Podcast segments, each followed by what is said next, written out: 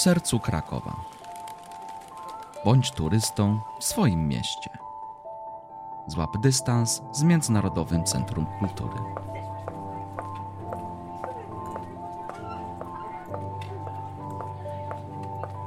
Jacek Purchla, Międzynarodowe Centrum Kultury.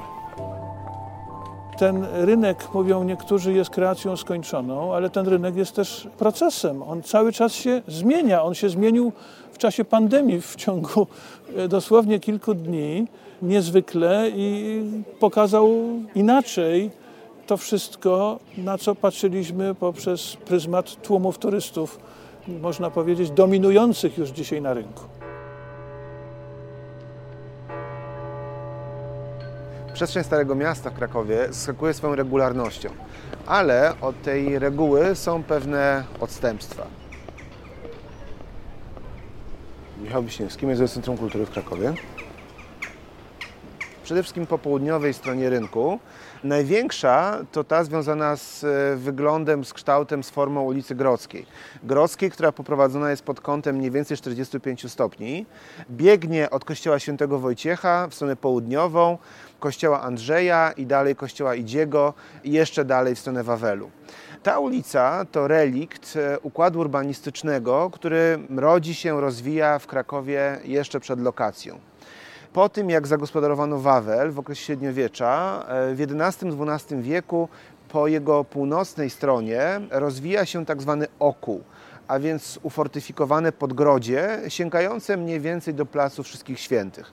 W centralnej części okołu już pod koniec XII wieku powstaje romański kościół świętego Andrzeja, nieopodal także kościół Marcina i kościół Marii Magdaleny.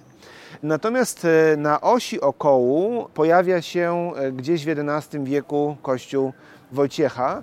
Ten układ urbanistyczny funkcjonował już, istniał jeszcze przed e, samą lokacją miasta. Zresztą warto też pamiętać, że najprawdopodobniej pierwsza lokacja w Krakowie miała miejsce już wcześniej, najprawdopodobniej w latach 20. XIII wieku i obejmowała właśnie teren okołu. Po najeździe Mongołów nie było właściwie czego zbierać. Pozostały pojedyncze budynki, jak kościół Andrzeja, czy przede wszystkim Wawel i można wtedy było myśleć o wybudowaniu, stworzeniu Krakowa zupełnie od nowa.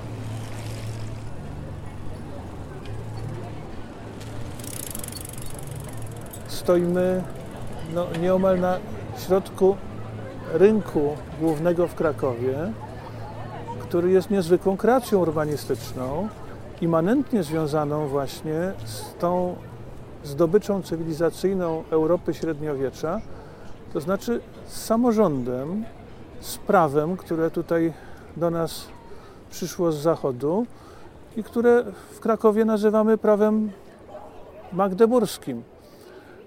Bo wprawdzie wiele wieków później mówiono, że fundamentem wolnego państwa jest wolna gmina, ale Kraków od lokacji od roku 1257, również od tej kreacji urbanistycznej, od wytyczenia tego największego placu średniowiecznej Europy, miał swoją autonomię, miał swój samorząd, inny niż ten, który dzisiaj mamy. Samorząd o znacznie większych kompetencjach, bez którego Kraków nie przeżyłby tej prosperity, zwłaszcza przełomu XV i XVI wieku, kiedy był jedną z najważniejszych metropolii Europy Środkowej. Myśmy w języku polskim przyswoili sobie e, z czegoś, co się nazywa Sachsen-Spiegel, czyli tego kodeksu regulującego, można powiedzieć, wszystkie najważniejsze przejawy życia, a zwłaszcza życia miejskiego. W tym kodeksie mamy zapisy prawa cywilnego, handlowego, karnego. To była zdobycz cywilizacyjna, dzięki której, można powiedzieć, Kraków znalazł się w klubie. E, został dołączony do tej sieci ważnych miast. I tak jak nasza akcesja do Unii Europejskiej, no staliśmy się częścią jednej rodziny, która według jednego, można powiedzieć, kodu prowadziła na szeroką skalę działalność handlową i produkcyjną. Wielkość tego placu symbolizuje skalę, kontaktów handlowych Krakowa e, jako miasta hanzeatyckiego, jako tego tak zwanego Kupferhaus, a więc domu miedzi, miasta, które handlowało z e, dzisiejszymi Niderlandami i Anglią miedzią, a równocześnie sprowadzało na przykład tekstylia. Stąd na środku rynku, przy którym się znajdujemy, nie ratusz, a Palais du Commerce, pałac handlu, sukiennice.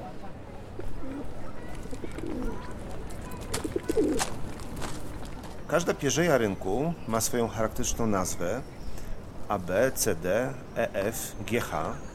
Pierzeja AB znajduje się w północnej części rynku, ma południową ekspozycję. To jest ta, po której najwięcej osób chce spacerować, chce się tam spotykać. CD położona jest po zachodniej części rynku. W jej środkowym biegu znajduje się wylot ulicy Szewskiej. Z kolei pierzeja EF to pierzeja południowa. Tutaj znajduje się kamienica Podkruki, tutaj też zaczyna swój bieg e, ulica Bracka i ulica Grodzka. Wreszcie pierzeja GH po wschodniej części rynku, na jej zakończeniu znajduje się kościół mariacki.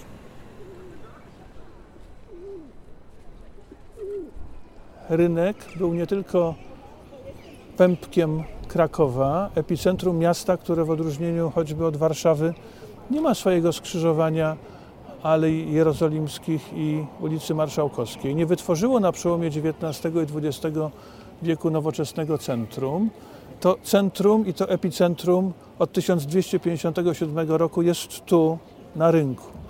Ale paradoks polega właśnie na tym, że zmarły niedawno Jerzy Pilch w swojej znakomitej książce, a Jerzy Sztur w swoim filmie ekranizacji tej książki, Spis cudzołożnic, pokazał ten rynek połowy lat 80.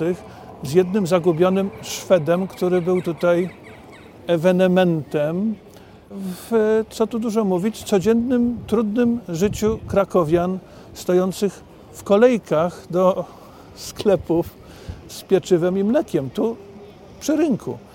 W ciągu tych 30 lat rynek stał się zwierciadłem i refleksem zmiany, jaką przeżywa Polska i jaką przeżył Kraków. Kraków, który w ciągu ostatnich kilkunastu lat stał się jedną z najważniejszych destynacji turystycznych Europy.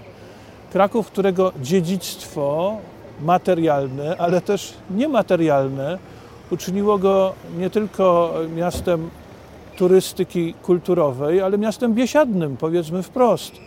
I te masy i tłumy turystów wywołały w ciągu ostatnich lat zjawisko, które mądrze nazywamy overturyzmem, ale które rzeczywiście wygnały również prawdziwych krakowian, nie tylko z rynku, ale z tego właśnie średniowiecznego rdzenia, z obrębu plant, bo dla nich tutaj już nie ma miejsca. Nie tylko nie ma usług, ale nie ma mieszkań.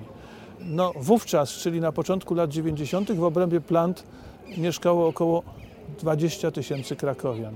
Dzisiaj w obrębie plant, i pewnie się już pomylę, jest co najwyżej 1,5 do 2 tysięcy stałych mieszkańców. A dziś pandemia pobudza w nas niezwykłą refleksję, bo rynek w kwietniu i maju był znowu pusty. Nad tą szansą, jaką paradoksalnie epidemia daje krakowianom, powrotu Krakowa i krakowian na rynek. To jest też wyzwanie dla Międzynarodowego Centrum Kultury i dla naszej misji.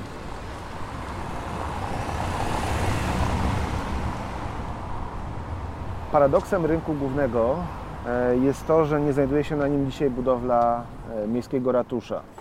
Paradoksem polega na tym, że tym, co przez setki lat napędzało rozwój miasta, był bardzo silny samorząd. Samorząd, który rodzi się w średniowieczu, który decyduje o rozwoju i funkcjonowaniu tego miasta właściwie do XVIII wieku, oraz e, samorząd, który odradza się w okresie Galicji i jest tym takim kołem zamachowym Krakowa pod koniec XIX wieku. Natomiast wracając do samego budynku ratusza, warto przypomnieć skąd się on wziął. Wziął się on z ważnego wydarzenia, które miało miejsce na początku czerwca 1257 roku. Jesteśmy w połowie XIII wieku. Kilkanaście lat wcześniej na to miasto najechali Mongołowie. Zalążki miasta zostały całkowicie zniszczone, spalone. Na tych zgliszczach w 1257 roku Bolesław V Stydliwy postanawia założyć miasto, a więc e, zawiązać pewną umowę pomiędzy nim, osobą mającą tytuł do ziemi, mającą prawo do tworzenia prawa, a pierwszymi mieszkańcami, tak zwanymi zasadźcami. Z reguły były to osoby przybywające z e, zachodniej Europy, z Saksonii, z Flandrii. Już od początku XIII wieku coraz więcej osób z tej wówczas przepełnionej części Europy postanawia migrować na wschód. Po łuku Karpat docierać będą aż do Transylwanii, zakładając właśnie miasta. Miasta, które od czasów średniowiecza stają się tym takim silnikiem, motorem napędzającym rozwój Europy. Zgodnie z aktem lokacji Krakowa, e, tymi pierwszymi założycielami miasta byli Getko Stilvoigt, e, Detmar Wolk i Jakub Znysy. Wiemy, jakie prawa nadał im król, e, wiemy, które pastwiska mogli uprawiać. To, co też wiemy o tych zasadźcach, to było to, że wzięli na siebie obowiązek zbudowania miasta.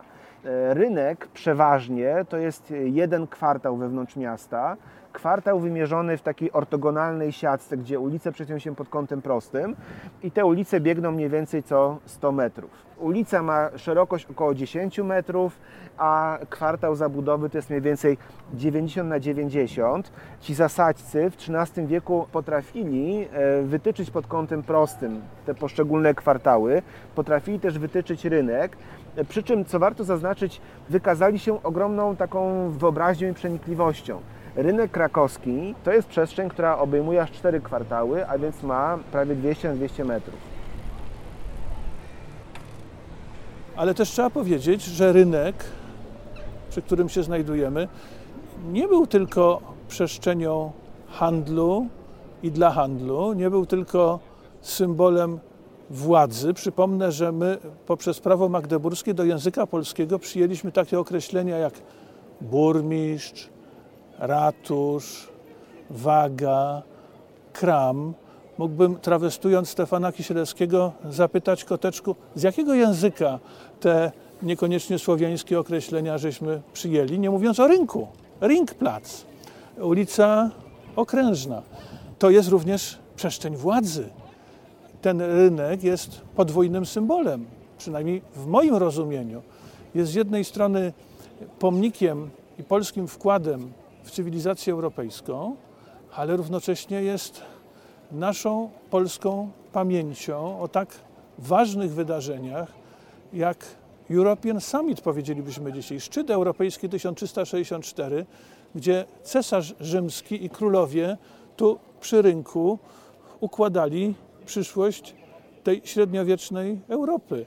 Hołd pruski 1525, gdzie król Zygmunt nie na Wawelu, ale tu na rynku, wobec właśnie tej wspólnoty, ten hołd przyjmował.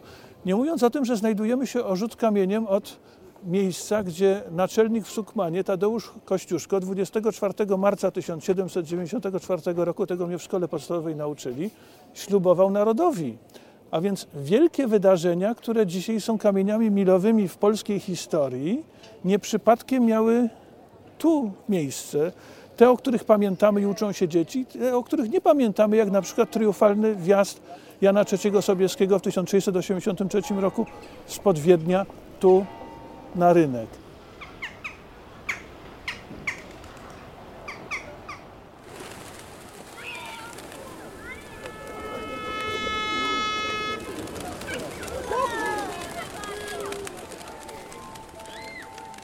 Sercu Krakowa. Bądź turystą w swoim mieście. Podcast został zrealizowany przez Free Range Productions na zlecenie Międzynarodowego Centrum Kultury w Krakowie.